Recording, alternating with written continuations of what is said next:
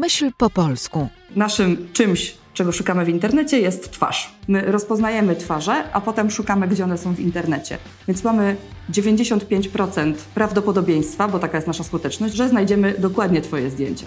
Mówiłaś o prawie do wizerunku. Jak to mhm. jest? Wszyscy mają prawo do wizerunku, czy nie? E, no, oczywiście wszyscy mają prawo do wizerunku, aczkolwiek jest tutaj pewna luka, którą przyznam szczerze wykorzystujemy.